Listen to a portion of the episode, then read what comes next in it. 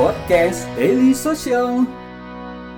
pemerintah bisa aware sama eh, ya penggiat dari startup ini. Maksudnya ya mereka terbantu sebenarnya kan sama sama startup startup yang kita kita juga pada akhirnya mereka tetap jalan terus kan jalan terus.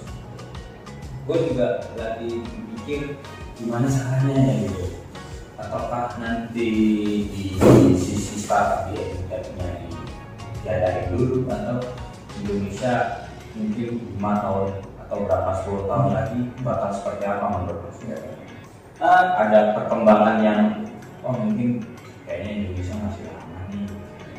kalau misalnya kita berharapnya sih within the next two years, three years berubah ya tapi kalau misalnya keadaan itu be realistic in the next five years nggak bakal ada benar-benar shift yang benar-benar major Iya. kalau misalnya dari personally saya lihat dari dari sekarang Uh, mungkin in the next 20 years ke depan. Ya dari saya bilang di mana udah ada kita bilang bukan generasi baru yang menduduki posisi-posisi tersebut ya. kan? Yang mereka udah punya pemain karena kita lihat sekarang uh, bukan mungkin generasi di atas sedikit lah ya tapi bukan generasi. Mungkin mereka tuh udah mulai open ya, mereka nggak terlalu di with political agendas ya kan?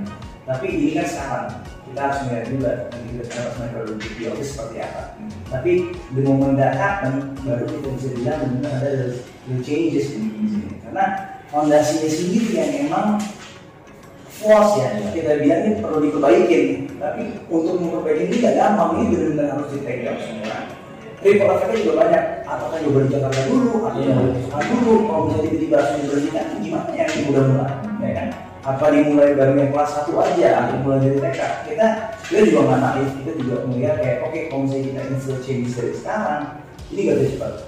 Karena banyak political error yang kita juga nggak bisa forcing gitu kan. Kita nggak saya belum duduk di, sana untuk bisa melihat polisi-polisi yang ada. Banyak aja kalau bisa yang oke sekarang kemarin ini kurikulum 13 pas diimplementasi waduh semua bingung banyak ini apalagi bisa mengubah semua totalitas misalnya oke nggak usah 12 pelajaran lima pelajaran tapi semua bisa milih gimana gimana kan yang enggak ada dan segala macam itu yang kita bisa lihat sebenarnya juga yang pemerintah lupakan adalah eh, mereka saat ini tuh fokusnya ke uh, kurikulum gitu kan. Iya. Gimana cara mendidiknya, gini-gini segala macam. Mereka melupakan satu faktor penting yaitu guru itu sendiri. Nah, Guru ini mereka eh, ya sekarang hanya mengajar gitu. Padahal seharusnya guru itu nggak cuma mengajar kan, eh, terus juga eh, setiap anak ini unik gitu kan. Nah sekarang yang ada di Indonesia adalah semua dipukul rata. Iya. Lo harus belajar ini. Dan guru pun diajarin supaya ngajarin itu gitu.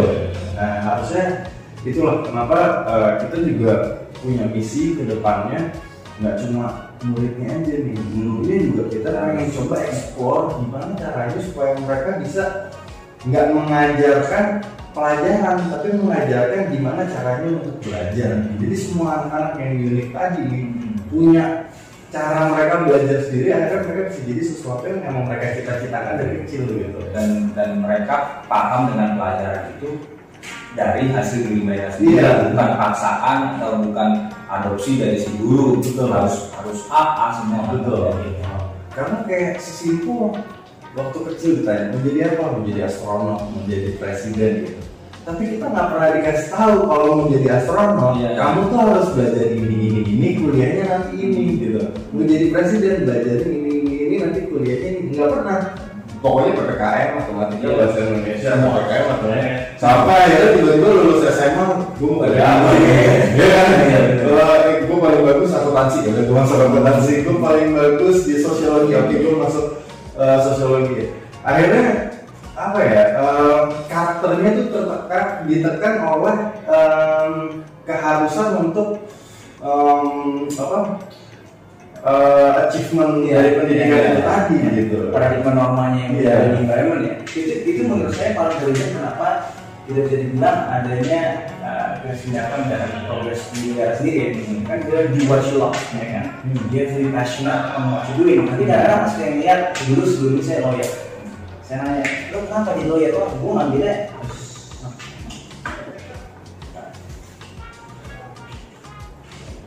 Kayak pas nanya, kenapa jadi lawyer? Oh ya, gue ngambil hukum soalnya waktu di kuliah. Pas lagi, lo kenapa ngambil hukum? Oh karena waktu itu gue gak bisa masuk di tempat ini, gak bisa masuk di yang ini, jadi gue ke sini. Gitu. Kalau nggak ada kayak, aduh gue lupa belajar ini, gue gak ngambil ini, jadi gue gak ini. Jadi pas mereka jadi lawyer pun mereka nggak ada action, mereka kayak, oh ya udah, gue udah belajar sebagai ini hukum. Gue harus jadi lawyer. Ya. Cuma pas mereka ngelakuin ya udah gue cuma ngelakuin biar dapat gaji dan segala macam. Actionnya nggak ada. Ini kita lihat permasalahannya sih. Hmm. Dimulai dari awal, ujungnya ripple effect banyak gitu ke depan. Tapi kalau dari eh, persentase mas, kalau kita lihat dari persentase, apakah peminat dari edutech ini mungkin eh, banyak ataukah sedikit atau memang perlu lagi diedukasi lebih dalam menurut mas sendiri? Uh, personally ya dari dari kita dari produk kita melihat minat itu sangat besar. Problemnya adalah mereka nggak tahu mereka berminat. Jadi mereka itu harus dikasih tahu di pelajar, dikasih pelajaran, dikasih edukasi. Saat mereka menyadari apa yang kita tawarkan, minatnya sangat tinggi. Itu kita, itu yang kita lihat ya. Kita surprise juga kita lihat kayak, oh ini kita awal mikir oh, ini bakal distansi nih hmm. kan ternyata pas kita coba terjun pas mereka tahu what's all about apa yang bisa teknologi lakukan not just our product ya tapi Hmm. semua edukasi teknologi education mereka oh ini bisa ngelakuin ini oh, oke tapi edukasi nggak ada Hmm. karena yang tadi itu nah, mereka udah hidup di norma seperti itu Iya. gitu. Kalau dari dukungan dari kita lihat dari si orang tua sendiri lah, dukungannya seperti apa mas? Memang mereka "Ya udah deh, gua pakai yang lama aja, gua nggak nggak yang ini, toh itu sih bisa. Itu actually yang lagi yang lagi kita coba untuk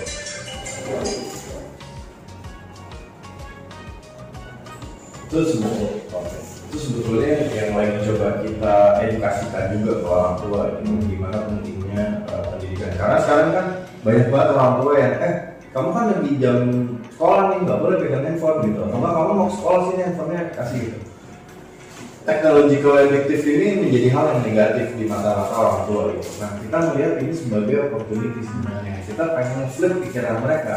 Justru sebenarnya adiktif terhadap teknologi ini kalau misalnya bisa kita salurkan ke hal yang positif, itu bisa jadi uh, apa uh, tools untuk improvement yang jauh lebih cepat gitu kan. Kayak sekarang sesimpel ada eh apa sih ada hal yang viral ya karena adanya si teknologi ini kan di sosial media apa segala macam. Nah bayangin kalau misalnya hal-hal viral itu adalah hal-hal yang memang uh, bobotnya berbobot pengetahuan gitu kan. Si anak-anak ini juga lama-lama kan, Iya. ya kan. Akhirnya ada nggak ada nggak ada lagi kesenjangan kesenjangan pendidikan gitu kan. Sama semua. Sama semua gitu. Nah itu yang Kalau dari sisi Gredu sendiri mas, eh, kan ada plus minusnya. Ada plusnya di Gredu, minusnya mungkin ada di edutech lain. Hmm. Mungkin di edutech lain ada plusnya, di Gredu minusnya. Ada nggak yang mungkin sangat bagus banget nih? Mungkin dari sisi Gredunya sendiri yang paling menarik tuh yang membedakan di antara yang? Yang coba kita achieve dari produk kita ya. Hmm. Uh, mungkin you can add on in this Uh, tapi yang kita lihat what we try to do bukannya coba ngasih mereka beban.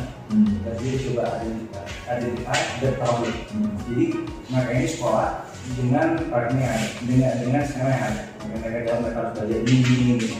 Tapi kadang-kadang mereka juga pengen main mereka pengen mereka punya kehidupan sendiri. Begitu juga guru dan orang tua. Nah yang kita pengen coba lakukan adalah identify mereka ini sukanya apa sih? Murid ini jago di mana sih? Mereka ini jelek gimana sih? Gimana cara improvement jadi what we give is those data yang mereka butuhkan untuk mereka menjalani sekolah-sekolah yang sekarang. Walaupun yang tadi kita bilang kita revisi lagi ini belum perfect ya tapi ini yang ada di market jadi kita cuma membantu mereka untuk menjalani yang sekarang dulu aja. Itu bedanya kita kayak yang kedua adalah eh, mungkin saya menggarisbawahi komunikasi cara kita berkomunikasi ke para user kita jadi platform kita tuh di mana yang lain eh, kompetitor kita mereka punya satu platform itu dipakai guru sekolah Iya. orang tua dan murid. Nah kita benar-benar menciptakan platform untuk masing-masing para user ini. Kenapa? Karena menurut kita cara komunikasi ke guru sama cara komunikasi ke orang tua pasti obviously beda.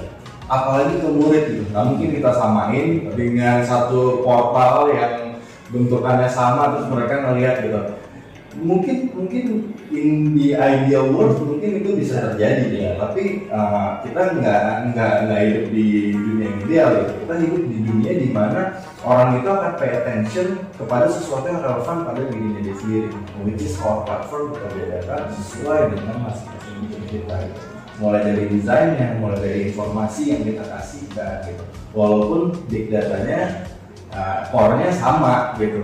Cuma the way we communicate aja yang kita beda Uh, by the way, ini gua kedatangan CMO dari Mungkin ada pelanggan ya mas nama. Iya, Mungkin kita bisa berbagi informasi atau mas dari mas eh, Rizky dan mas Riri ya, bisa saling memberi informasi yang bagus untuk eh, pendengar dari sosial podcast. Eh, mungkin terakhir mas dari mas Rizky dan mas Riri. eh, saat ini kenapa berniat untuk membangun GRIU? Apakah memang gua melihat pendidikan di Indonesia nggak tahu lah ya gitu. Selain guru dan yang lain. Terus satu lagi Dengerin terus podcast Daily Social.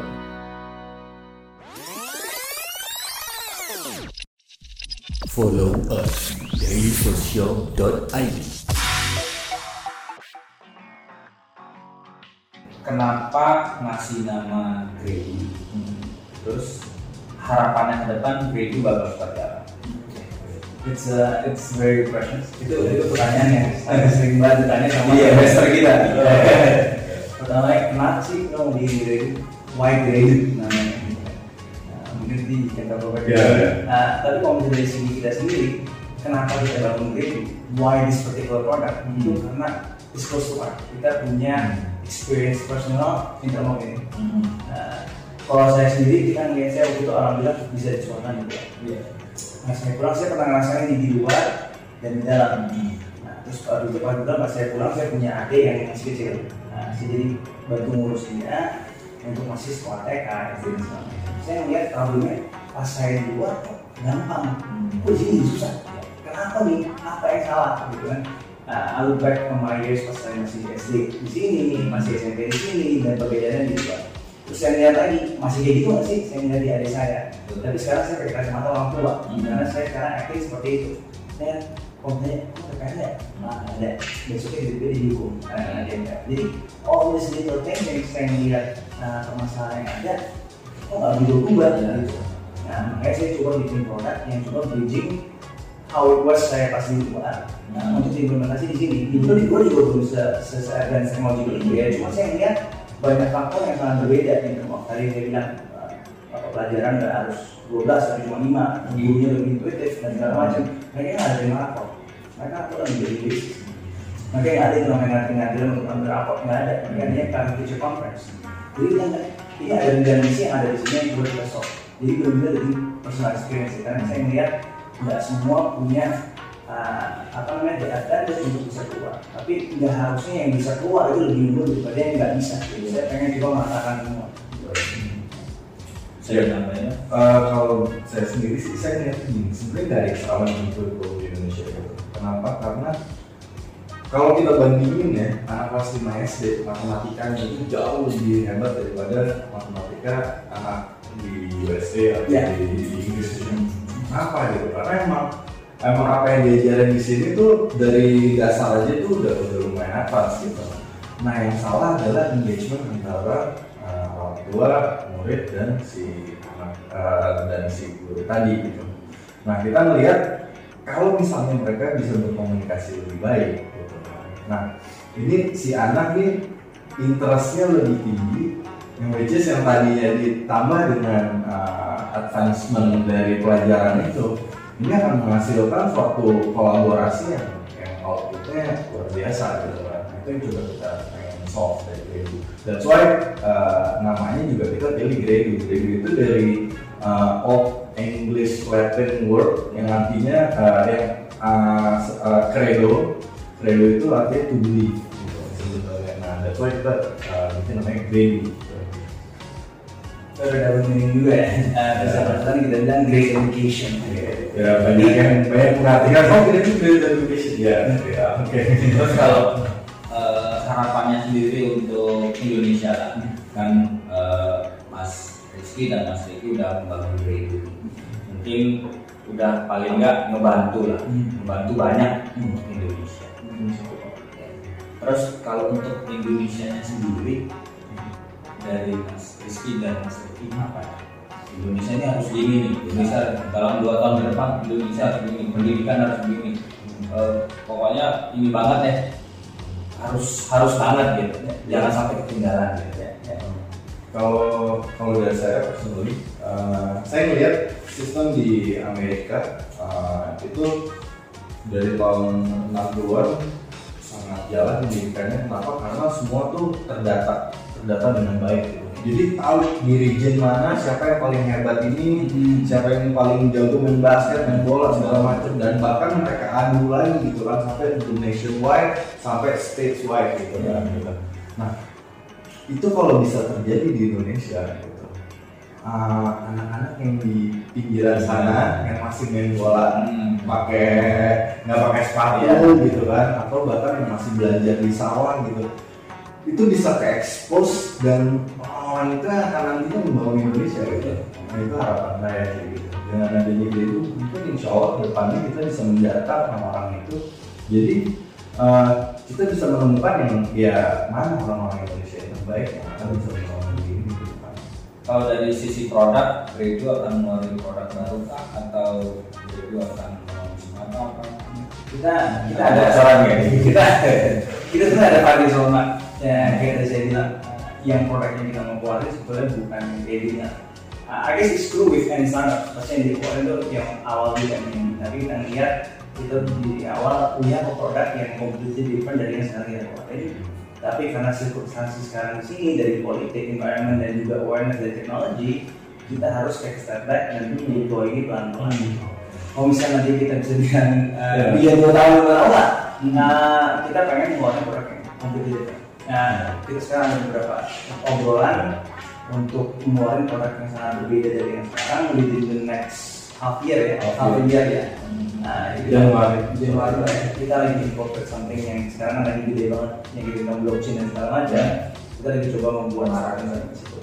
karena yang lucu kemarin ada salah satu uh, kayak kita sebut partner kita lah dia sangat advance di uh, dunia IT kebetulan orang usianya juga lumayan lumayan tua advance di dunia IT udah lama dan dia juga sekarang lagi ngajar jadi begitu ngeliat produk kita kok sangat simpel sih gitu. Kan dia bilang gitu. Kenapa uh, kenapa nggak langsung dibikin advance sekalian gitu? Kita melihat karena kita berkom uh, karena kita kita uh, akan akan menjual produk ini tuh ke nggak nggak nggak ke orang yang emang udah advance teknologi ya kan. Orangnya dulu. Mereka sekarang ibaratnya punya Facebook aja atau bisa buka WhatsApp aja itu udah bangga gitu. Sudah lama gue udah bisa teknologi gitu kan. Gimana mau kita kasih produk yang advance gitu? Makanya kita benar-benar pelan-pelan kita benar-benar ajarin mereka. Makanya kita juga ada training session juga gitu segala macam. Karena kita nggak menjual produk gitu. Kita menjual masa depan gitu. nah masa depannya ya itu tadi dari dulu orang Mungkin terakhir dari Mas Rizky atau Mas Riki ada tambahan nih untuk eh, pendengar di social podcast atau yang pengen untuk membangun eh, bisnis yang sama gitu. mulainya dari mana stepnya seperti apa yang simpel aja deh mas. Gak usah yang terlalu rumit. Kita juga nggak cukup. Oke, uh, street saya lebih uh, word of encouragement buat pendengar di luar yang benar-benar emang pengen jalan suatu startup yang lagi punya ide yang cemerlang. Kita lihat sekarang di era digital ini, kita lihat di US dan tempat lain, mereka itu grow dari bisa startup. Teknologi dan ini benar-benar membantu negara. Nah, jadi kalau misalnya kalian punya ide, langsung eksekusi aja, nggak usah takut. Nah, kadang-kadang tuh our fear of doing itu nge-help back gitu. Nah, karena kita saya bilang kerja di tempat lain yang nggak punya passion tapi karena udah belajar itu. Iya. Saya dari law dari lawyer pindah ke teknologi, it's completely different. Cuman uh, kebetulan kita ada teman yang nge-push untuk bisa loncat. Saya pas loncat alhamdulillah kayak oh kayak gini. Hmm. Gitu. Jadi pesan dari saya sih loncat aja gitu. This is the time yang benar-benar masih fun, hot-hotnya lah ya gitu aja. Walaupun nggak sekuat yang kemarin-kemarin, tapi sekarang ini benar-benar masih at the stage yang kalian ini bisa enjoy dan Ya, ya. Ada tambahan. Ya kalau saya sih tambahannya mungkin eh, kurang lebih sama kayak uh, yang Rizky bilang gitu. Ya when you have the idea gitu kan, eh, tambahin imaginationnya gitu kan, terus just execute gitu kan. Nah eh, karena barrier itu udah pasti akan ada gitu, ada halangan di mana-mana gitu. Nah eh, yang menarik adalah gimana caranya kita merobos itu. Nah, jadi ya dicoba aja sih. Mungkin itu aja mas. Ada lagi tambahan mungkin Uh, bisa ada kurang sih. Satu saya sih, ya, jangan kemakan sama kata-kata yang dari saya bilang disruptive. Is, you know, everyone try to do startup, wah, gua harus disrupt marketing. It's, Yeah. it's not always a good thing, gitu, disruption, ya kan? It's better to be improving. Yeah. Disruption is not always good. It's harder. Gitu. Improving is better Betul. and easier dan juga punya long lasting effect. Gitu. Originality itu bukan yang pertama kok originality itu Itu ada sebelumnya. ya udah ada sebelumnya. Ya the way kita improve aja that's become the originality of us Super sekali dalam pertemuan itu. Thank you mas. Sudah mau berbagi cerita, berbagi pengalaman eh, di untuk dari sosial podcast. Mungkin nanti ada apa namanya eh, ilmu lain, mungkin ada pembahasan lain yang bisa undang Atau Boleh. mungkin main-main ke salah satu startup di, Boleh. boleh boleh di media sosial. Mungkin nanti gua akan ngobrol sama tim mungkin pembahasan apa yang. Oke. Terima kasih Mas Rizky dan Mas Didi terima kasih mas mudah-mudahan eh, terkesan dengan kedatangan saya untuk pasti. Amin, pastinya. Ya, Terima kasih ya Mas. Mas. Buat teman-teman dari Sosial Podcast yang mungkin masih pengen tahu seputar daily sosial, jangan lupa eh, untuk eh, lihat-lihat aja website kita di dailysocial.id atau di Facebook di Daily Social atau juga di Twitter di @dailysocial.id atau lewat Instagram juga ada di dailysocial underscore id atau boleh di SoundCloud kita punya eh, banyak sekali materi yang berkembang dan materi yang eh, to be different sama eh, website. Jadi bisa buka di SoundCloud di Daily Sosial atau di Spotify juga ada di Daily Sosial jadi buat teman-teman eh, Daily Sosial Podcast jangan lupa subscribe jangan lupa dengerin di SoundCloud. Terima kasih Mas Rizky dan Mas Riki Sama-sama, terima kita ketemu di lain waktu dan pembahasan terima kasih bye, bye. Jangan lupa subscribe di soundcloud.com podcast daily social.